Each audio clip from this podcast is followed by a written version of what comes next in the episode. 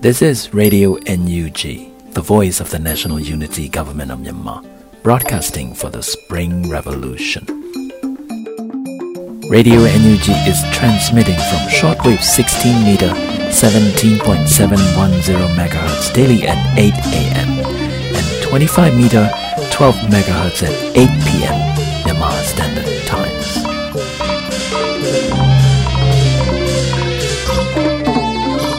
ဂလာပါခင်ဗျာအမျိုးသားညီညွတ်ရေးအစိုးရရဲ့အသံလွှင့်ဌာန Radio NUG ကိုမနေ့၈နာရီမှာ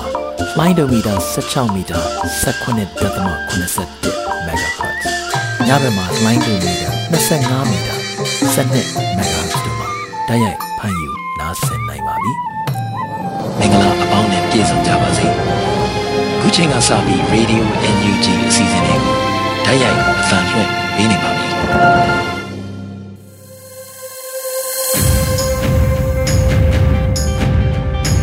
မြန်မာနိုင်ငံသူနိုင်ငံသားများတဘာဝပြီးဆရာနာရှင်ဘေးတို့ကနေကင်းဝေးပြီးကိုစိတ်နှပါကျမ်းမာလုံခြုံကြပါစေလို့ရေဒီယို NUG အဖွဲ့သားများကဆုတောင်းမေတ္တာပို့သလိုက်ရပါတယ်။အခုအချိန်ကစပြီးရေဒီယို NUG ရဲ့သတင်းများကို တင်ဆက်ပေးတော့မှာဖြစ်ပါတယ်။ကျမຫນွေဦးလင်းအိမ်ပါပထမဆုံးအနေနဲ့စစ်ကောင်စီလက်အောက်မှာတာဝန်ထမ်းဆောင်နေတဲ့နိုင်ငံသားရေးဝန်ကြီးဌာနကဝန်ထမ်း89ဦးကို အမည်ပြစည်းရင်းရေးသွင်းပြီးပြင်းထန်စွာသတိပေးလိုက်တယ်လို့အမျိုးသားညီညွတ်ရေးအစိုးရနိုင်ငံသားရေးဝန်ကြီးဌာနကအမိန့်ကြေညာစာထုတ်ပြန်လိုက်တဲ့သတင်းကိုတင်ဆက်ပေးပါမယ်။တန်အမတ်တွေတန်မှုတွေနဲ့ကောင်စစ်ဝင်ချုပ်တွေအပါအဝင်စစ်ကောင်စီလက်အောက်မှာတာဝန်ထမ်းဆောင်နေတဲ့နိုင်ငံသားရေးဝန်ကြီးဌာနကဝန်ထမ်း89ဦးကိုအမည်ပြစည်းရင်းရေးသွင်းပြီးပြင်းထန်စွာသတိပေးလိုက်တယ်လို့အမျိုးသားညီညွတ်ရေးအစိုးရနိုင်ငံသားရေးဝန်ကြီးဌာနကယနေ့အမိန့်ကြေညာစာထုတ်ပြန်လိုက်ပါတယ်။ အမည်ပြစည်းရေးသွင်းပြီးပြင်းထန်စွာသတိပေးလိုက်တဲ့ဝန်ထမ်းတွေနဲ့တန်အရာရှိတွေရဲ့အမည်စင်းတွေကိုလည်းပူးတွဲထုတ်ပြန်ခဲ့တာဖြစ်ပါတယ်။နိုင်ငံတော်ရဲ့အာဏာကိုအကြမ်းဖက်စစ်ကောင်စီကမတရားသိမ်းပိုက်ပြီးနောက်နိုင်ငံသားရေးဝန်ကြီးဌာနမှအကြမ်းဖက်စစ်ကောင်စီမှခန့်အပ်တဲ့ဥဝနာမောင်လွင်စိတ်တိုင်းကြဖွဲ့စည်းခဲ့တဲ့ဌာနတွင်းစောင့်ကြည့်ရေးအဖွဲ့ဝင်များနဲ့စစ်ကောင်စီအလို့ကြဌာနတွင်းအရာရှိတွေကြောင့် ပြည်သူနဲ့အတူရက်တည်ပြီးအာဏာဖီဆန်ခဲ့ကြတဲ့ CDM ပြည်သူဝန်ထမ်းတွေဖမ်းဆီးထောင်ချခံရတာရှိနေတယ်လို့ဖော်ပြထားပါတယ်။အယက်သားအစိုးရကိုထောက်ခံခဲ့သူတွေသူတို့စိတ်ချယုံကြည်ခြင်းမရှိတဲ့တက်ကြွလှုပ်ရှားသူဝန်ထမ်းတွေဌာနတွင်းနေရာပြောင်းရွှေ့ခံရတာ CDM လှုပ်ရှားမှုမပြုလုပ်ရန်ထောက်ခံခြင်းမပြုရန်သတိပေးချင်းချောက်ခံရတာ CDM ဝန်ထမ်းတွေကိုချင်းချောက်ပြီးရုံးပြန်တက်စေတာတွေလည်းရှိခဲ့တယ်လို့ဆိုပါတယ်။ ဒါအပြင်စစ်ကောင်စီကိုမထောက်ခံလို့အလုံးမနှုတ်ထွက်လိုတဲ့ဝန်ထမ်းတွေကိုနှုတ်ထွက်ခွင့်လုံသက်ခွင့်တင်တာတွေခွင့်မပြုတာစတဲ့ဝန်ထမ်းအခွင့်အရေးနိုင်ငံသားအခွင့်အရေးတွေချိုးဖောက်ခံနေရတာရှိတယ်လို့လည်းဖော်ပြထားပါတယ်။အယက်သားအစိုးရလက်ထက်မှာပြည်သူဝန်ထမ်းနဲ့မိသားစုများအတွင်း COVID-19 ကြောင့်ဖြစ်ပေါ်လာနိုင်တဲ့အကျိုးသက်ရောက်မှုတွေကုစားနိုင်မှုအတိုးမဲ့ချင်းငွေနှစ်လစာအားထုတ်ချေခဲ့ပြီးပြန်ဆက်ရန်မလိုအပ်တဲ့ချီးမြှင့်ငွေအဖြစ်သတ်မှတ်ပေးခဲ့တာကိုအကြမ်းဖက်စစ်ကောင်စီရဲ့လက်ပါစီတွေက CDM ဝန်ထမ်းတွေကိုအဲ့ဒီချီးမြှင့်ငွေတွေ6လအတွင်းပြန်လည်ပေးဆက်ဖို့မပေးဆက်ရင်တရားစွဲဆိုဖို့ပြင်ဆင်နေတယ်လို့နိုင်ငံသားရေးဝန်ကြီးဌာနကထုတ်ပြန်တဲ့စာမှာပါရှိပါတယ်။အလားတူအယက်သားအစိုးရလက်ထက်မှာပြည်ပကိုပညာတော်သင်တွားရောက်ခဲ့ပြီးမိခင်ဝန်ကြီးဌာနမှာပြန်လည်တာဝန်ထမ်းဆောင်ရမယ်တတ်မှတ်ကာလမပြည့်မီစစ်ကောင်စီကိုဆန့်ကျင်လို့ပြည်သူ့ဘက်ရက်တီခဲ့တဲ့ CDM ဝန်ထမ်းတွေကိုလည်းရော်ချင်းငွေပေးသွင်းဖို့နဲ့ ရော်ချင်းငွေမပေးသွင်းရင်တရားစွဲဆိုမယ်လို့ချိန်ချောက်နေတာရှိရလို့ဆိုပါတယ်။အဲဒါကြောင့်အာနာသိန်းအကြမ်းဖက်စစ်ကောင်စီလက်ပါစီအဖွဲ့နဲ့တာဝန်ပေးစီခိုင်းတာထက်ကြော်လွန်ပြီးတော့ပြည်သူ့ဘက်တော်သား CDM ဝန်ထမ်းတွေကိုစောင့်ကြည့်ဖိအားပေးနှိပ်ကွပ်နေတဲ့ဝန်ထမ်းတွေကိုအမြင့်ပြည့်စည်ရင်ရေးသွင်းပြီးပြင်းထန်စွာသတိပေးခဲ့တာလို့ဖော်ပြထားပါတယ်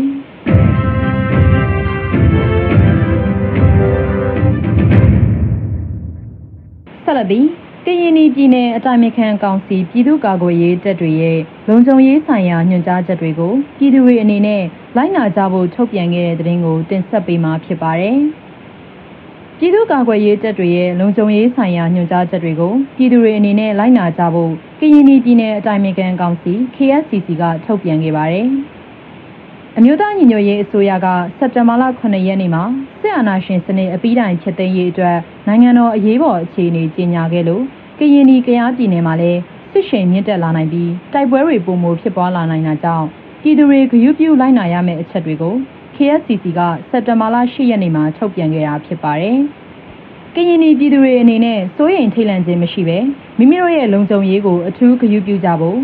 ပြည်သူ့ကာကွယ်ရေးတပ်တွေဖြစ်တဲ့ကရင်တပ်မတော် KA ကရင်အမျိုးသားကာကွယ်ရေးတပ်ဖွဲ့ KNDF နဲ့ပြည်သူ့ကာကွယ်ရေးတပ်ဖွဲ့ PDF တွေရဲ့လုံခြုံရေးဆိုင်ရာညွှန်ကြားချက်တွေကိုစ နစ်တကျလိုက်နာကြဖို့ KSCC ကဆိုပါတယ်။မလိုအပ်ဘဲအပြင်ထွက်ခြင်းနဲ့အသွာအလာတွေသတိပြုကြဖို့မှန်ကန်တဲ့သတင်းစီစဉ်မှုတွေကိုသာအတည်ပြုရယူပြီးတော့မြေပြင်မှာပြည်သူအချင်းချင်းကြားမှန်ကန်တဲ့သတင်းပေးမှုများနဲ့မိမိတို့ရဲ့လုံခြုံရေးအတွက်ပြင်ဆင်ထားကြဖို့တိုက်တွန်းထားပါတယ်။စစ်ဆောင်ပြည်သူတွေအနေနဲ့ရောက်ရှိရာနေရာဒေသတွေမှာ COVID-19 ကပ်ရောဂါကာကွယ်ရေးဆိုင်ရာစည်းကမ်းသတ်မှတ်ချက်တွေကိုလိုက်နာကြဖို့လည်းအသိပေးထားပါတယ်။ ဒါအပြင်စစ်ဆောင်ပြည်သူများအနေနဲ့မိမိတို့ရဲ့ပတ်ဝန်းကျင်မှာအကြမ်းဖက်စစ်ကောင်စီသတင်းပေးဒလန်တွေရှိရင်နီးစပ်ရာပြည်သူ့ကာကွယ်ရေးတပ်ဖွဲ့တွေစီကိုအမြန်အတိပေးဖို့ထုတ်ပြန်ခဲ့ပြီးစစ်ဆောင်စခန်းတွေရှိရာကိုခေါ်ဆောင်သွားလာတာမပြုဖို့တတိပေးထားပါတယ်။အကြမ်းဖက်စစ်ကောင်စီကိုအပိတိုင်ချေမုန်းနိုင်ရေးအတွက်ပြည်သူ့ကာကွယ်ရေးတပ်ဖွဲ့ရဲ့လုံခြုံရေးနဲ့မိမိတို့ရဲ့လုံခြုံရေးအတွက်အတူတူပူးပေါင်းပါဝင်ပေးဖို့လည်း KSCC ကတိုက်တွန်းထားပါတယ်။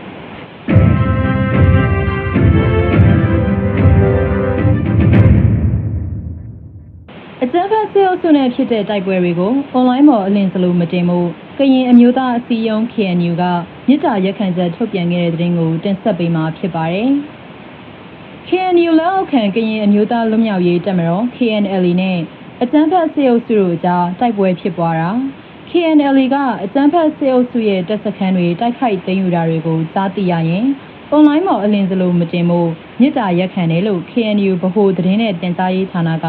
စက်တင်ဘာ9ရက်မှာထုတ်ပြန်ခဲ့တာပါ။ပြစ်ခတ်တိုက်ခိုက်မှုဖြစ်ပွားပြီးတဲ့နောက်ဖြစ်စေစခန်းသိမ်းယူပြီးတဲ့နောက်မှာဖြစ်စေစစ်ရေးအစီအစဉ်အရ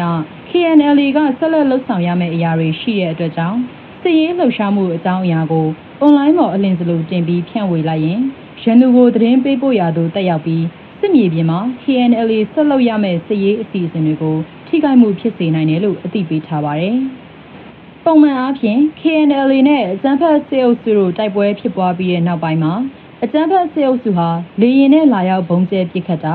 စစ်ကူတပ်ဖွဲ့များစစ်လွတ်တာတွေကိုပြုလုပ်လျက်ရှိတယ်လို့ဆိုပါတယ်။ဒါကြောင့် KNL တပ်ဖွဲ့ဝင်များစစ်မြေပြင်ကိစ္စရပ်များပြီးဆုံးပြီးလုံခြုံစိတ်ချတဲ့နေရာသို့ပြန်လည်ရောက်ရှိချိန်မှသာလျှင်အွန်လိုင်းပေါ်မှာသတင်းတွေကိုဖြန့်ဝေကြဖို့ KNU ကမြစ်တာရက်ခံခဲ့ပါတယ်။ KNU ဟာစစ်တပ်အာဏာသိမ်းတာကိုဆန့်ကျင်တဲ့ဘဲအဖွဲ့အစည်းနဲ့မဆိုပူးပေါင်းဆောင်ရွက်သွားမယ်လို့ထုတ်ပြန်သွားပြီးအာဏာရှင်အလုံးကိုတော်လှန်သွားမှာလို့အသိပေးထားပါတယ်။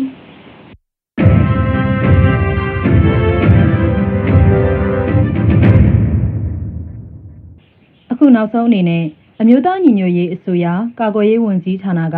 စက်တင်ဘာလ10ရက်နေ့တိုက်ပွဲသတင်းအကျဉ်းချုပ်ကိုထုတ်ပြန်ခဲ့တဲ့သတင်းကိုတင်ဆက်ပေးမှာဖြစ်ပါတယ်။ စစ်အာဏာရှင်စန့်ကျင်ရေးပြည်သူလူထုရဲ့ခုခံတော်လှန်စစ်နဲ့ပတ်သက်ပြီးစက်တင်ဘာ10ရက်စစ်ရေးသတင်းတွေကိုအမျိုးသားညီညွတ်ရေးအစိုးရကာကွယ်ရေးဝန်ကြီးဌာနကထုတ်ပြန်ခဲ့ရမှာတိုင်းနယ်ပြည်နယ်တွေမှာတိုက်ပွဲတွေဆက်ဖြစ်လို့စစ်ကောင်စီတပ်တွေတေဆုံးခဲ့တယ်လို့ပြည်သူနဲ့အတူရက်တီလိုကြောင်းဆက်သွယ်လာမှုများကိုလက်ခံရရှိခဲ့တယ်လို့ဖော်ပြထားပါတယ်။ဒေသခံပြည်သူ့ကာကွယ်ရေးတပ်ဖွဲ့တွေတိုင်းရင်းသားလက်နက်ကိုင်အဖွဲ့တွေစတဲ့တော်လှန်ရေးစစ်သည်တွေဟာစစ်ကောင်စီတပ်နဲ့သူ့ရဲ့အပေါင်းအပါတွေကိုခုခံတိုက်ခိုက်ခဲ့လို့ ကချင်၊ကယား၊ရှမ်း၊စကိုင်း၊မကွေးနဲ့မန္တလေးစတဲ့ပြည်နယ်နဲ့တိုင်းတွေမှာတိုက်ပွဲတွေဖြစ်ပွားခဲ့ပါတယ်။အာနာသိန်းစစ်ကောင်စီဘက်မှ16ဦးသေဆုံးပြီး9ဦးဒဏ်ရာပြင်းထန်ခဲ့တယ်လို့စက်တင်ဘာ10ရက်ညနေပိုင်းအထိရရှိထားတဲ့မြေပြင်သတင်းနဲ့သတင်းဌာနတွေရဲ့ဖော်ပြလာတဲ့အချက်အလက်တွေကိုကာကွယ်ရေးဝန်ကြီးဌာနကပြုစုထုတ်ပြန်ထားပါတယ်။သက်ဆိုင်ရာပြည်သူ့ကာကွယ်ရေးတပ်ဖွဲ့တွေနဲ့တိုင်းရင်းသားတပ်ဖွဲ့တွေရဲ့ထုတ်ပြန်ချက်တွေအရ စက်တင်ဘာ၈ရက်မှာစစ်ကောင်စီတပ်ကတေဆုံးထိခိုက်သူအရေးအတွက်ပုံမများပြားတယ်လို့သိရပါဗျ။စကိုင်းတိုင်းမြောင်မြို့နယ်မြစ်ဆုံရွာအနီးနဲ့ကြောက်ရရွာရဲစခန်းမှာစက်တင်ဘာ၈ရက်ကတိုက်ပွဲ၃ကြိမ်ဖြစ်ပွားခဲ့လို့စစ်ကောင်စီတပ်ဖွဲ့ဝင်အ ਨੇ ဆုံး12ဦးသေဆုံးခဲ့တယ်လို့မြောင်မြို့နယ်ပြည်သူ့ကာကွယ်ရေးနဲ့လုံခြုံရေးအဖွဲ့ကထုတ်ပြန်ထားပါတယ်။ဒါ့အပြင်နဘတ်စံပြကျေးရွာရဲစခန်းကိုလည်းမိရှို့ဖျက်ဆီးခဲ့တယ်လို့ဆိုပါတယ်။ ကလေးမြို့နယ်တောင်ပိုင်းကနေကလေးမြို့ဘက်ကိုမောင်းနှင်လာတဲ့အကြမ်းဖက်စစ်ကောင်စီရင်နှန်းကိုစက်တဘာ၈ရက်ညပိုင်းမှာမိုင်းနဲ့တိုက်ခိုက်ခဲ့လို့စစ်ကောင်စီတပ်ဖွဲ့ဝင်တွေတေဆုံးထိခိုက်မှုများပြားနိုင်တယ်လို့ကလေး PDF ကထုတ်ပြန်ထားပါတယ်။ပလင်းမြို့နယ်မှာလည်းစိုက်ကယ်ရီနဲ့တက်လာတဲ့စစ်ကောင်စီတပ်ဖွဲ့ဝင်အင်အား30ခန့်ကိုဒေသခံ PDF တွေကမိုင်းဆွဲပြီးပြစ်ခတ်တိုက်ခိုက်ခဲ့လို့စစ်ကောင်စီတပ်ဖွဲ့ဝင်9ဦးသေဆုံးပြီး4ဦးဒဏ်ရာရရှိခဲ့တယ်လို့ပြည်သူ့တော်လှန်ရေးတပ်မတော် PRA ကထုတ်ပြန်ခဲ့ပါတယ်။မုံရွာမြို့မှာစက်တင်ဘာ10ရက်ညပိုင်းကပောက်ကွဲမှုတွေဇက်တိုက်ဖြစ်ပွားခဲ့တယ်လို့ဒေသခံတွေကဆိုပါတယ်။ရှမ်းပြည်နယ်တောင်ပိုင်းဖေခုံမြို့နယ်မှာစစ်ကြောင်းချီနေတဲ့အကြမ်းဖက်စစ်ကောင်စီတပ်ကိုဖေခုံ PDF နဲ့ကရင်ပြည်အမျိုးသားကာကွယ်ရေးတပ်ဖွဲ့ KNDF တို့ပူးပေါင်းတိုက်ခိုက်ခဲ့လို့စစ်ကောင်စီတပ်က9ဦးသေဆုံးခဲ့တယ်လို့ KNDF ကထုတ်ပြန်ခဲ့ပါတယ်။ ကချင်ပြည်နယ်တနိုင်းမြို့နယ်တနိုင်းရှင်ပွေရန်လမ်းမှာစစ်ကြောင်းထိုးလာတဲ့အင်အားတရာခန့်ရှိတဲ့စစ်ကောင်စီတပ်ကိုခုခံတိုက်ခိုက်ခဲ့တယ်လို့ကချင်လက်နက်ကိုင်အဖွဲ့ KIA ရဲ့သတင်းနဲ့ပြန်ကြားရေးဌာနကကချင်နက်ဘာမီစ်မှာဖော်ပြခဲ့ပါတယ်။အဲ့ဒီတိုက်ပွဲမှာစစ်ကောင်စီဘက်ကတေဆုံးထိခိုက်မှုတွေရှိတယ်လို့လည်းကချင်ဒေသအခြေစိုက်သတင်းဌာနတွေကဖော်ပြခဲ့ပါတယ်။ဒါ့အပြင်လာရှိုးကနေစစ်ရင်အားစစ်အုံဆောင်တွေတင်လာတဲ့စစ်ကောင်စီတပ်ရဲ့စစ်ကားဆယ်စီးကိုလည်း KIA ကခြုံခိုတိုက်ခိုက်ခဲ့တယ်လို့ကချင်နဲ့ဗာမစ်ကဖော်ပြထားပါတယ်။မကွေးတိုင်းရည်စကြိုမြို့မှာလည်းစက်တင်ဘာ10ရက်ညနေပိုင်းကစစ်ကောင်စီရင်နှန်းကိုမိုင်းခွဲတိုက်ခိုက်ခဲ့တယ်လို့ရည်စကြို PDF ကထုတ်ပြန်ထားပါတယ်။ရန်ကုန်နဲ့မန္တလေးအပါအဝင်ဒေသအသီးသီးမှာလည်းစစ်ကောင်စီတပ်နဲ့သူ့ရဲ့လက်ပါစီတွေကိုဘုံခွဲတိုက်ခိုက်မှုတွေလှုပ်ဆောင်ခဲ့တယ်လို့လည်းသတင်းဖော်ပြချက်တွေမှာတွေ့ရပါတယ်။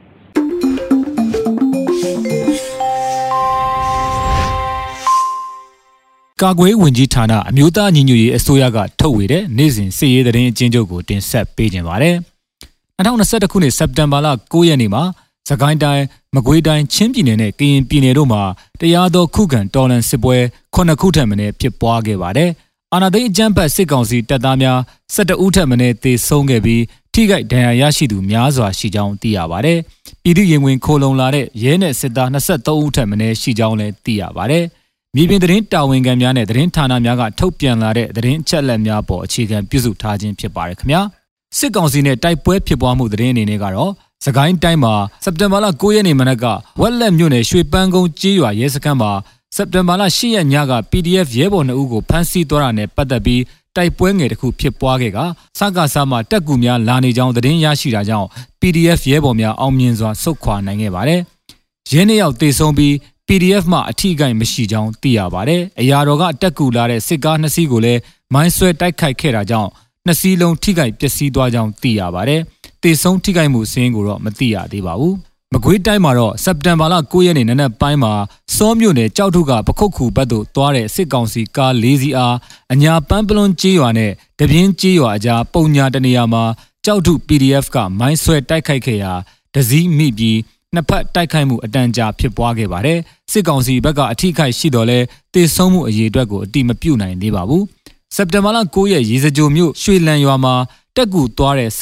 ခကားကိုမိုင်းဆွဲခံရပြီးစကစဘက်က9ယောက်တေဆုံးကြောင်းသိရပါတယ်။ချင်းပြည်နယ်မှာတော့စက်တင်ဘာလ9ရက်မွန်းလွဲတနာရီခန့်ကထန်တလန်မြို့ပေါ်မှာပြစ်ခတ်မှုရှိခဲ့ပြီးစစ်ကောင်စီတပ်များ၏ပြစ်ခတ်မှုများကြောင့်နေအိမ်များထိမှန်ပျက်စီးကာအမျိုးသမီးတဦးကြီးထိမှန်ခဲ့ကြောင်းသိရပါတယ်။ စစ်ကောင်စီတပ်သား2ဦးကြီးထိမှန်တေဆုံးကြောင်းလည်းသိရပါတယ်။ကရင်ပြည်နယ်မှာတော့စက်တင်ဘာလ9ရက်နနက်ပိုင်းမှာပဲခူးတိုင်းနဲ့ကရင်ပြည်နယ်ကြားဘောဆဲခိုဒေတာအတွင်းမှာရှိတဲ့မော်လော့စကန်အနီးမှာကရင်အမျိုးသားအစည်းအရုံး KNU တပ်မဟာ9တပ်ဖွဲ့ဝင်များနဲ့စစ်ကောင်စီတပ်တို့တိုက်ပွဲများဖြစ်ပွားနေကြောင်းသိရပါတယ်။လက်ရှိအချိန်ထိတိုက်ပွဲဆက်လက်ဖြစ်ပွားနေပြီးထိခိုက်မှုအခြေအနေကိုသိရှိရခြင်းမရှိသေးပါဘူး။စစ်ရေးပြစ်မှုတဲ့မတရားဖမ်းဆီးတပ်ဖြတ်မိရှို့တာတွေနဲ့ပတ်သက်လို့ကတော့ ချင်းပြည်နယ်မှာစက်တင်ဘာလ9ရက်မနက်ပိုင်းတနာရီခန့်ကဟာခါမြို့မှာပြစ်ခတ်မှုတွေဖြစ်ပွားခဲ့ပြီးစစ်ကောင်စီတပ်ဘက်ကလက်နက်ကြီးများနဲ့ရန်တမ်းပစ်ခတ်တာတွေကြောင့်လူနေအိမ်အချို့ထိခိုက်ခဲ့ကြောင်းသိရပါဗျ။စကိုင်းတိုင်းမှာတော့မနေ့ကမနက်ပိုင်းမှာအာနာသိန်းအကြမ်းဖက်စစ်ကောင်စီတပ်သားများက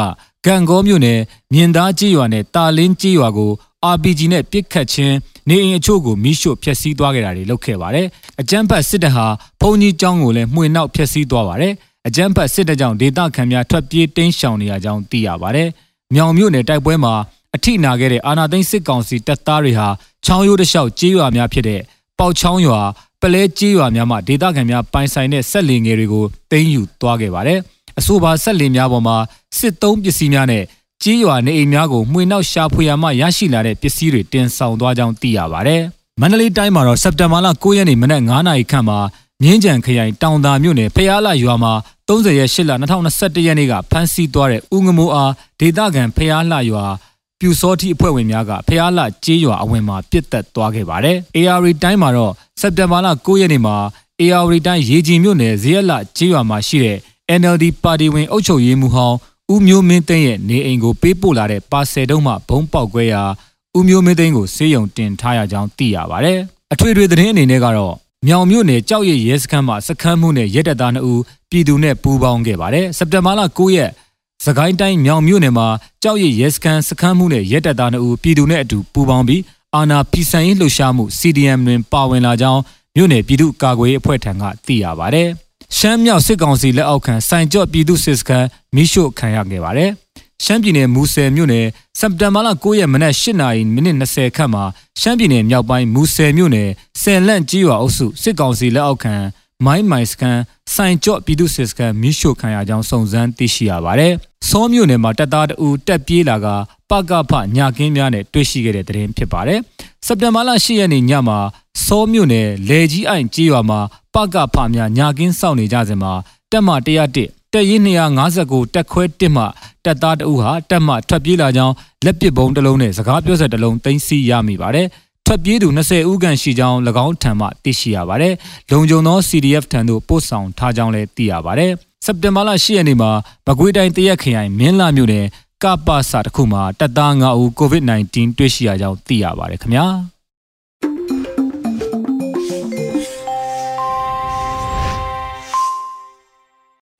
ပြည်သူလူထုအားလုံးပဲမင်္ဂလာပါရှင်။ယောဂဗျာတွေဆင်းရဲမွန်းကျက်မှုတွေစတဲ့စစ်အာဏာရှင်ရဲ့စနစ်ဆိုးရဲ့ခါးတီးတဲ့လောကဓာတ်တွေကိုဒီအချိန်မှာအားလုံးခံစားကြနေရတာမို့လို့စာနာနားလည်မိပါတယ်။ပြည်သူလူထုကိုသာအလုတ်ကျွေးပြုလို့တဲ့နိုင်ငံဝန်ထမ်းတွေရဲ့ CDM လှုပ်ရှားမှုဟာလည်းတကယ်ကိုအားရစရာကောင်းတယ်လို့စစ်အာဏာရှင်ကိုတော်လှန်လိုပါရက်နဲ့မိသားစုဘဝလုံခြုံရေးတွေ စစ်အာဏာရှင်လက်အောက်မှာမနေခြင်းပဲနေနေရဆဲဖြစ်တဲ့တပ်မတော်သားတွေရဲတပ်ဖွဲ့ဝင်တွေကိုလည်းစာနာနားလည်မိပါတယ်။အမြန်ဆုံးရုံထွက်နိုင်မယ်လို့လည်းယုံကြည်ပါတယ်။ပြည်သူရင်ခွင်ကနေလည်းအမြဲကြိုဆိုလျက်ရှိပါတယ်။အခုချိန်မှာတော့တနိုင်ငံလုံးလှဲနေလှဲအောင်မြင်းစားမကြံစစ်အာဏာရှင်ကိုတော်လှန်မဲ့ပြည်သူတော်လှန်ရေးနေစတင်ပြီလို့ကျမတို့ရဲ့ပြည်ထောင်စုသမ္မတမြန်မာနိုင်ငံတော်အမျိုးသားညီညွတ်ရေးအစိုးရနိုင်ငံတော်ယာယီသမ္မတကြီးကလည်း 2021ခုနှစ်စက်တင်ဘာလ9ရက်နေ့မှာနိုင်ငံတော်အရေးကြီးမိန့်ခွန်းမှာထည့်သွင်းပြောကြားသွားခဲ့ပြီးဖြစ်ပါတယ်။တော်လန်စစ်ရဲ့အရှုံးအနိုင်ကိုပြည်သူလူထုကသာအဆုံးဖြတ်ပေးနိုင်မှာဖြစ်ပါတယ်။တော်လန်စစ်မှာတော်လန်ရေးအတွေးအခေါ်နဲ့ယုံကြည်ချက်ခိုင်မာပြတ်သားသူ10ယောက်ဟာတော်လန်ရေးကိုပုဂ္ဂလိကအခွင့်အလမ်းခံစားချက်တွေနဲ့လှုပ်ဆောင်သူအယောက်တစ်ထောင်ထက်ပိုပြီးတန်ဖိုးရှိပါတယ် တော်လန်ရေးအောင်မြင်မှုအတွက်အတွေးအခေါ်နဲ့ယုံကြည်ချက်ခိုင်မာမှုပြည်သူလူထုကိုစီးရုံးနိုင်မှုနဲ့နိုင်ငံရေးအားကောင်းခိုင်မာမှုတို့အပေါ်မှာမူတည်တာဖြစ်တဲ့အတွက်ကြောင့်လို့အတွေးအခေါ်နဲ့ယုံကြည်ချက်ခိုင်မာတဲ့တော်လန်ရေးအင်အားစုတွေပြည်သူလူထုရဲ့အင်တိုက်အားတိုက်ပါဝင်မှုတွေအမျိုးသားညီညွတ်ရေးအစိုးရရဲ့ရင့်ကျက်ပြည့်စုံတဲ့နိုင်ငံရေးအင်အားတွေဟာလူထုတော်လှန်ရေးကြီးမလွဲမသွေအောင်မြင်မှုတေချာလှပါတယ် အဲ့ဒီလိုလူထုတော်လှန်ရေးကာလပြိပခချာမှာပြည်သူတွေအနေနဲ့ကင်းစေဖို့မြို့သားညီညွတ်ရေးအစိုးရလူသားချင်းစာနာထောက်ထားရေးနဲ့ဘေးအန္တရာယ်ဆိုင်ရာစီမံခန့်ခွဲရေးဝန်ကြီးဌာနအနေနဲ့ပြိပခများကြိုတင်ပြင်ဆင်ရမယ့်အချက်တွေကိုထုတ်ပြန်ခဲ့တာတွေကိုကျမအနေနဲ့ပြန်လည်တင်ပြပေးမှာဖြစ်ပါတယ်။ပြိပခကာလအတွင်းမှာအ ਨੇ ဆုံးနှစ်ပတ်စာအစားအစာနဲ့အာဟာရကိုပြင်ဆင်ထားရပါ လမ်းပန်းဆက်သွယ်ရေးတွေပြတ်တောက်သွားတဲ့အခါကုန်စည်စည်းစိမ်မှုတွေလည်းရပ်တန့်သွားမှာဖြစ်ပါတယ်။အဲ့ဒါကြောင့်မလို့စံစီစာကြက်သွန်နေစားတဲ့အချောက်အချမ်းတွေစီသွတ်ဘူးတွေခောက်ဆွဲကြောင်မုံကြောက်တွေကိုနှစ်ပတ်စာစုဆောင်းမှုဖြစ်ပါတယ်။နောက်တစ်ခုအနေနဲ့ကျန်းမာရေးအတွက်အရေးပေါ်ဆေးဝါးတွေလည်းစုဆောင်းထားရမှာဖြစ်ပါတယ်။ပရိပခကာလအတွင်းမှာကျန်းမာရေးဝန်ထမ်းအခက်အခဲဆေးဝါးအခက်အခဲတွေရှိနေမှာဖြစ်တဲ့အတွက်ဖျားနာကြိုက်ခဲပျောက်ဆေးတွေမိမိကျန်းမာရေးအခြေအနေက အမြဲဆောင်ထားတဲ့ဆေးတွေကိုကြိုတင်စုဆောင်းမှုလိုအပ်ပါတယ်။ဝင်းပြက်ဝမ်းလျှောယောဂါလိုမျိုးရှည်ချောင်းဖြစ်တတ်တဲ့ယောဂါတွေကိုကာကွယ်နိုင်ဖို့တောက်သုံးရည်ဓာတ်စားနဲ့ရေတန့်ဆေးတွေလည်းစုဆောင်းဖို့လိုအပ်မှာဖြစ်ပါတယ်။ထိခိုက်ရွယ်အုပ်စုတွေဖြစ်တဲ့ကလေးသူငယ်တွေကိုဝင်ဆောင်တွေတက်ကြီးရွယ်အိုတွေမတန်ဆွမ်းတွေသူတို့တွေအတွက်လည်းဖြည့်ဆွတ်စာနဲ့ဆေးဝါးတွေလည်းစုဆောင်းထားဖို့လိုအပ်ပါတယ်ရှင်။ အခုကျမဆွေးနွေးသွားတဲ့အချက်တွေကိုပြည်သူလူထုအားလုံးလိုက်နာနိုင်မယ်လို့ယုံကြည်ပါတယ်ပြည်သူလူထုအားလုံးကြမ်းကြမ်းမာမာနဲ့ဘေးအန္တရာယ်ကင်းဝေးကြပါစေအရေးတော်ပုံတကယ်အောင်မြင်ရမှာပါ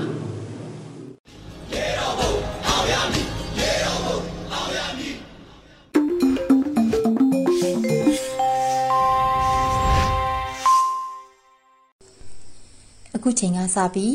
Radio NUG ရဲ့ပြည်တွင်းသတင်းမြင်ကွင်းကောက်နှုတ်ချက်အစီအစဉ်ဖြစ်ပါတယ်ရှင်။ကျမကတော့ຫນွေဦးရွှေဝါဖြစ်ပါတယ်။ရန်ကုန်မြို့နယ်နေရာတော်တော်များများမှာလူငယ်အများအပြားဖမ်းခံရဆိုတဲ့သတင်းကိုတင်ဆက်ပေးခြင်းပါတယ်။ယမနေ့ညစက်တင်ဘာ၈ရက်နေ့ညကရန်ကုန်မြို့လှိုင်မြို့နယ်တာမွေမြို့နယ်အင်းစိန်မြို့နယ်နဲ့အလုံမြို့နယ်တွေမှာည7နာရီခန့်ကအဲဇင်းဝင်စစ်ပြီးလူငယ်တွေတော်တော်များများကိုဖမ်းဆီးသွားတယ်လို့သိရပါတယ်။ ဒီသတင်းနဲ့ပတ်သက်လို့လှိုင်မြို့နယ်မှာရှိတဲ့ပြည်သူတဦးကိုဆက်သွယ်မေးမြန်းကြည့်တဲ့အခါမှာတော့မနေ့ညက၁၁နာရီလောက်မှာဧည့်စာရင်းစစ်မယ်ဆိုပြီးတွေ့သမျှလူငယ်တွေကိုဖမ်းခေါ်သွားတာပါ။အစကအယောက်၄၀လောက်ပဲသိရတာ။မနက်မိုးလင်းတော့မှအယောက်၁၀၀ကျော်တောင်ပါသွားတယ်။အခုမနက်ပိုင်းမှာတော့မိန်းကလေးတွေအယောက်၃၀လောက်ပြန်လွှတ်ပေးတယ်လို့သူကပြောပါတယ်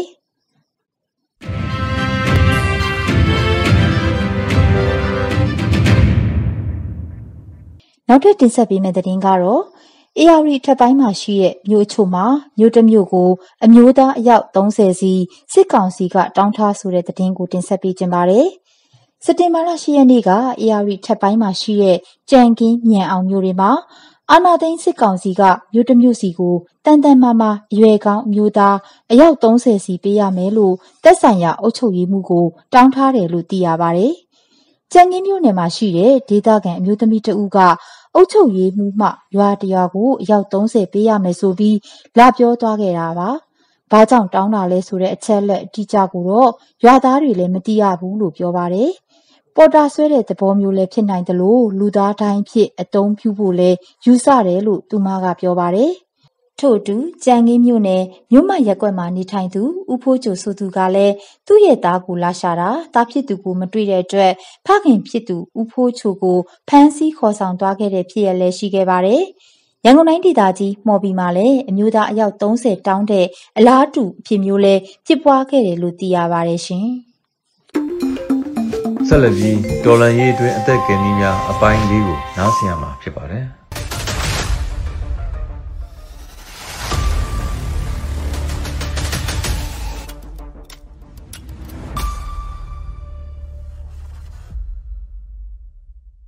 ကျွန်တော်ဒီနေ့ပြောမယ့်အကြောင်းအရာကတော့ကျွန်တော်တို့ဒီတော်လန်ရေးကာလမှာ ဒဏ်ရာရရှိတဲ့လူတွေကိုအရေးပေါ်အသက်ကယ်နိုင်အောင်ဖြစ်ဖြစ်ကျွန်တော်တို့အနေနဲ့အိတ်ကလေးတွေပေါ့နော်အပြင်ထွက်တဲ့လူပဲဖြစ်ဖြစ်အိမ်မှာရှိတဲ့လူတွေပဲဖြစ်ဖြစ်လူနာတွေကိုကုသနိုင်မှုအတွက်ပစ္စည်းလေးတွေပြင်ဆင်ထားဖို့အတွက်ပြောပြချင်တာပါအဲ့တော့ပထမဆုံးကျွန်တော်တို့အပြင်ထွက်တဲ့လူတွေမှာဆိုရင်အဓိကအရေးကြီးဆုံးကဘာလို့မလဲဆိုတော့ကြော်ဝေးပေါ့နော်ကြော်ဝေးဆိုတော့ဒီဟာလေးမှာကျွန်တော်တို့လိုအပ်တဲ့ပစ္စည်းလေးတွေကိုအရင်ထည့်ကြမယ်အဲ့တော့ဘာတွေအရင်ထည့်မလဲဆိုတော့အဓိကကကျွန်တော်တို့အရင်ဆုံးရေဘူးပေါ့နော်ရေဘူးကဘာအတွက်လဲဆိုတော့ကျွန်တော်တို့ဒီ မျက်ရည်ယိုပုံတွေနဲ့ပြစ်တဲ့အချိန်ကျရင်ကျွန်တော်တို့အလွယ်တကူရေဆေးလို့ရတယ်နောက်ပြီးရင်အနာအနာဖြစ်လာတဲ့အချိန်မှာဒဏ်ရာရလို့အနာတွေဖြစ်တဲ့အချိန်မှာရေတန်းနဲ့ရေဆေးကြောလို့ရတယ်အဲ့အတွက်ကြောင့်ကျွန်တော်တို့ရေဘူးတွေကိုအသင်ဆောင်ထားမယ်ပေါ့နော်နောက်ပြီးရင်ဒါမျက်ရည်ယိုပုံအတွက်အဓိကဖြစ်တဲ့ဒီမျက်စိပေါ့နော်မျက်စိဟိုဟာမျက်စင်းလေးကိုကျွန်တော်တို့ဒါစောင့်ထားလို့ရပါတယ်ကဲလို့ဒဏ်ရာရရှိခဲ့တယ်တနက်ပြဒဏ်ရာရဖြစ်ဖြစ်အာခိုင်းမိလို့ပဲဖြစ်ဖြစ်ဒဏ်ရာရရှိခဲ့တဲ့အချိန်မှာကျွန်တော်တို့အရေးပေါ် လုပ်ပေးနိုင်တဲ့ပစ္စည်းလေးတွေစောင့်ထားရမှာရှိပါတယ်ပထမဆုံးဒဏ်ရာအသေးဆိုရင်တော့ကျွန်တော်တို့အရင်ဆုံးအရက်ပြန်ခွန်းလေးတွေအစင်သင်းလုပ်ထားပြီးသားဟာလေးတွေအယ်ကိုဟောဘတ်လို့ခေါ်ပါဒါလေးတွေကိုအစင်သင်းထပ်ဆောင်ထားလို့ရတယ်ဒါလေးတွေနဲ့အရင်ဆေးပြီးရင်တော့အနာကတ်ပလာစတာလေးတွေပေါ့နော်အဲ့တော့ဒီနှစ်ခုလည်းဒါလိုအပ်ပါတယ် ပြီးတဲ့အချိန်ကျရင်အနာဖြစ်သွားပြီးတဲ့အချိန်မှာကျွန်တော်တို့ရေနဲ့ဆေးလို့ပဲဖြစ်ဖြစ်ဆေးနီရေနဲ့ပဲဆေးလို့ပဲဖြစ်ဖြစ်လိုအပ်တဲ့ခွန်ထုတ်ကလေးတွေစောင့်ထားရပါမယ်ကျွန်တော်တို့အနာကိုရေနဲ့ဆေးပြီးသွားတဲ့အချိန်မှာအဓိကတော့ဆေးနီရေပေါ့နော်ဆေးနီရေနဲ့အတက်နိုင်ဆုံးဆရာဆေးနီရေမှာကျွန်တော်တို့ဘူးသေးရှိရယ်ဘူးကြီးရှိဘူးကြီးစောင့်ထားတာကတော့ပို့ပြီးတော့ကောင်းပါတယ်အဓိကလူနာကိုကင်တဲ့အချိန်မှာဘာလို့မလဲဆိုတော့လက်အိတ်ပေါ့နော်သူတို့ရဲ့သွေးတွေအာလူနာတိုင်းမှာသွေးတွေထွက်နေနိုင်တယ်ပေနေရမျိုးရှိနိုင်ဒါကြောင့်ကာကွယ်တဲ့အနေနဲ့ကျွန်တော်တို့လက်အိတ်ကလေးလိုအပ်ပါမယ် အနာတွေကပြဲသွားတဲ့အချိန်မှာကျွန်တော်တို့ဆေးနီတွေပါတော့ねဆေးပြီးတဲ့အချိန်မှာတစ်ခါသုံးပတ်တီးလိတ်ကလေးတွေပေါ့နော်ပတ်တီးလိတ်တွေမှာနှစ်မျိုးနဲ့စားရှိရဲ၃လက်မတိန်6လက်မပေါ့နော်ဒါအနာကိုကျွန်တော်တို့ဆေးပြီးတဲ့အချိန်မှာစီးဖို့လိုတယ်အဲ့တော့မစီးခင်မှာဂျားထဲမှာကျွန်တော်တို့က ပတ်တီးလေးအလိတ်လေးတွေခံတာမျိုးရှိပါတယ်အဲ့တော့ဒီပတ်တီးအလိတ်ကလေးတွေကဒါကတော့ကိုကိုတိုင်းလောက်ထားတဲ့ပတ်တီးလိတ်လေးတွေပါဒါကတော့တခါတည်းအစင်နဲ့ဝယ်လို့ရတဲ့တခါသုံးဒီခံတဲ့ပတ်တီးလိတ်လေးတွေပါအဲ့တော့ဒါကိုတော့ကျွန်တော်တို့ဘယ်လိုလုပ်လို့ရလဲဆိုရင်ကျွန်တော်တို့စီမှာဒီ၃လမပတ်တီးလေးတွေပေါ့နော်ဒီ၃လမပတ်တီးလေးတွေကိုကျွန်တော်တို့အနေနဲ့ကိုယ်လက်မှာပဲဒီလို၃၄ဘက်ခောက်လိုက်ပါ၃၄ဘက်ခောက်ပြီးရင်ဒါလေးဒီအပြားလေးဖြုတ်သွားပါမယ်ပြီးရင် ဒါလေးကိုဖြတ်လိုက်ရင်ဒါ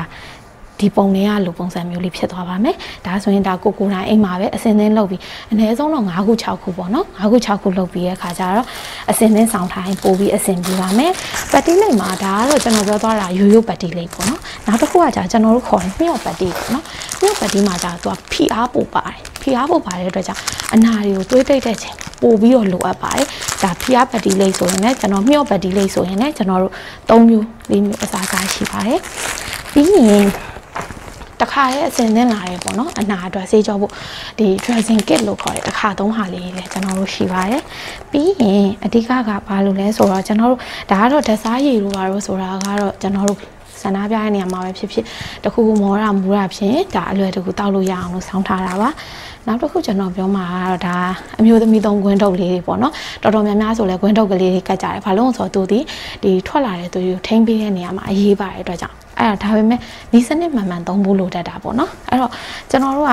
ဒီအမျိုးသမီးဗတ်ဒီလေးလေးကိုဖယ်လိုက်တဲ့အချိန်မှာဖြီလိုက်ပြီဆိုရင်ဒီအောက်မှာကတ်ထားတဲ့ဟာပါတယ်ဒါအပေါ်ကတော့အဲ့တော့ကျွန်တော်တို့ဒီအနာဘောဘယ်ဘက်ကကတ်ရမလဲဆိုရင်ဒီဘက်ပေါ့နော်ဒီဟာနဲ့ကတ်နေတဲ့ဘက်ကတ်ခွာပါတယ်ဘက်မဟုတ်ဘူးဒီဘက်အပိုင်းနဲ့အနာဘောကိုကတ်ရမှာပါဒါမှသွေးတွေကိုစုပ်ပြီးနိုင်မှာပါဒီဘက်ကတိတ်တဲ့ဟာဘက်ကတော့ကန်ကျွန်တော်တို့အတွက်ဘာမှဟို နီလန်းကြကြဖြစ်မှာမဟုတ်ဘူးပေါ့နော်သွေးတွေကိုစုပ်ယူနိုင်မှာမဟုတ်ဘူးအဲ့အတွက်ကြောင့်ကျွန်တော်တို့ဒီအဓိကဒီဘက်တိတ်မကတ်ထားတဲ့ဘက်ကနေအနာကိုအုပ်ပြီးဒီဘွားကနေပတိလေးစီးပေးရင်ဒါသွေးတိတ်တာဟိုသွေးတွေထွက်တဲ့အချိန်မှာကျွန်တော်တို့ထိမ့်ပေးနိုင်မှာဖြစ်ပါတယ်အာနောက်ဆုံးတစ်ခုကကြတော့ပစိုးပေါ့နော်ပိုနားမှာလူနာတယောက်လဲသွားတယ်ဆိုရင်ကျွန်တော်တို့ဒီအလွယ်တကူဆွဲထုတ်နိုင်မှုအတွက်ကို ဒီအိတ်တလုံးစီမှာပစိုးတစ်ထည်ပိုင်းလူနာကိုအလွယ်တကူဆွဲထုတ်နိုင်မှာဖြစ်ပါတယ်အဲ့တော့ဒါကျွန်တော်တို့ရဲ့အရေးပေါ်ပစ္စည်းအိတ်ကလေးတွေမှာလိုအပ်တဲ့ပစ္စည်းလေးတွေအကြောင်းကိုထည့်သွင်းရှင်းပြသွားတာဖြစ်ပါတယ်ဆက်လက်ပြီးຫນွေဦးဂီတကဏ္ဍအတွက် United Democratic Force အဖွဲ့ကတည်ဆိုထားတဲ့အာခံမဲလို့အမည်ရတဲ့တေးသချင်းကိုနားဆင်ရမှာဖြစ်ပါတယ်။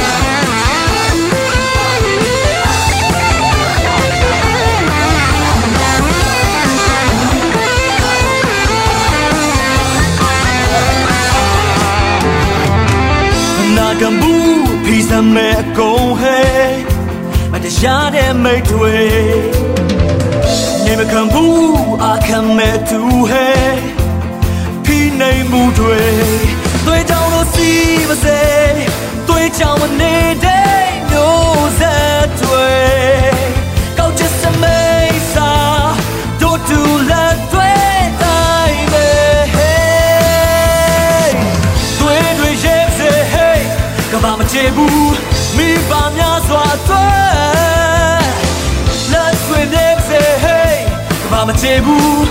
မိသားစုများစွာအတွက်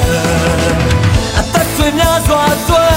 ဘာမချေဘူးသူချေကောင်းတွေအတွက်နိုင်ထပ်လူချင်းတွေအတွက်ကဘာမချေဘူးတွေ့ချင်းတွေအားလုံးအတွက်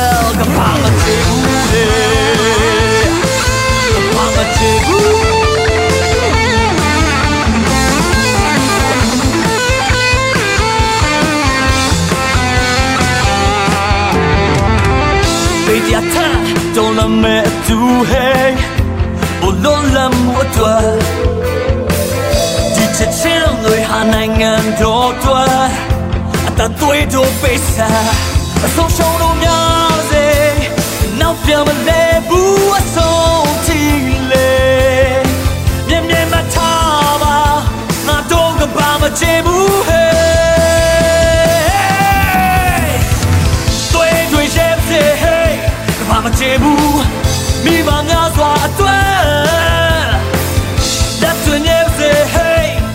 ချေဘူးဒီတန်းစုများစွာအတွက်အသက်သွင်းများစွာအတွက်ကဘာမချေဘူးဒီဒီနေ့တော့ဒီညနဲ့ပဲ Radio NUG အစီအစဉ်လေးကိုကိတ္တရန်နာလိုက်ပါမယ်မြန်မာစံတော်ချိန်မနေ့၈နာရီညနေ၈နာရီတို့မှာပြန်လည်တွေ့ဆုံကြပါစို့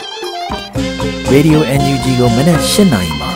လိုင်းဒိုမီတာ16မီတာ19.87 MHz ညဘက်မှာလိုင်းဒိုမီတာ 25မီတာ17 MHz တို့မှာတိုက်ရိုက်ဖမ်းယူနားဆင်နိုင်ပါပြီ။မြန်မာနိုင်ငံသူနိုင်ငံသားများကိုယ်စိတ်နှပြချမ်းမာချမ်းသာလို့ဘေးကင်းလုံခြုံကြပါစေလို့ Radio NUG အဖွဲ့သူအဖွဲ့သားများဆုတောင်းပေးလိုက်ပါတယ်အမျိုးသားညီညွတ်ရေးအစိုးရရဲ့ဆက်သွယ်ရေးသတင်းအချက်အလက်နဲ့ဤပညာဝန်ကြီးဌာနကထုတ်လွှင့်နေတဲ့ Radio NUG ဖြစ်ပါတယ် San Francisco Bay Area ခြေဆိုင်မြန်မာမိသားစုများနဲ့နိုင်ငံတကာကစေတနာရှင်များလုံအားပေးများရဲ့ Radio NUG ဖြစ်ပါတယ်အရေးတော်ပုံအောင်ရမည်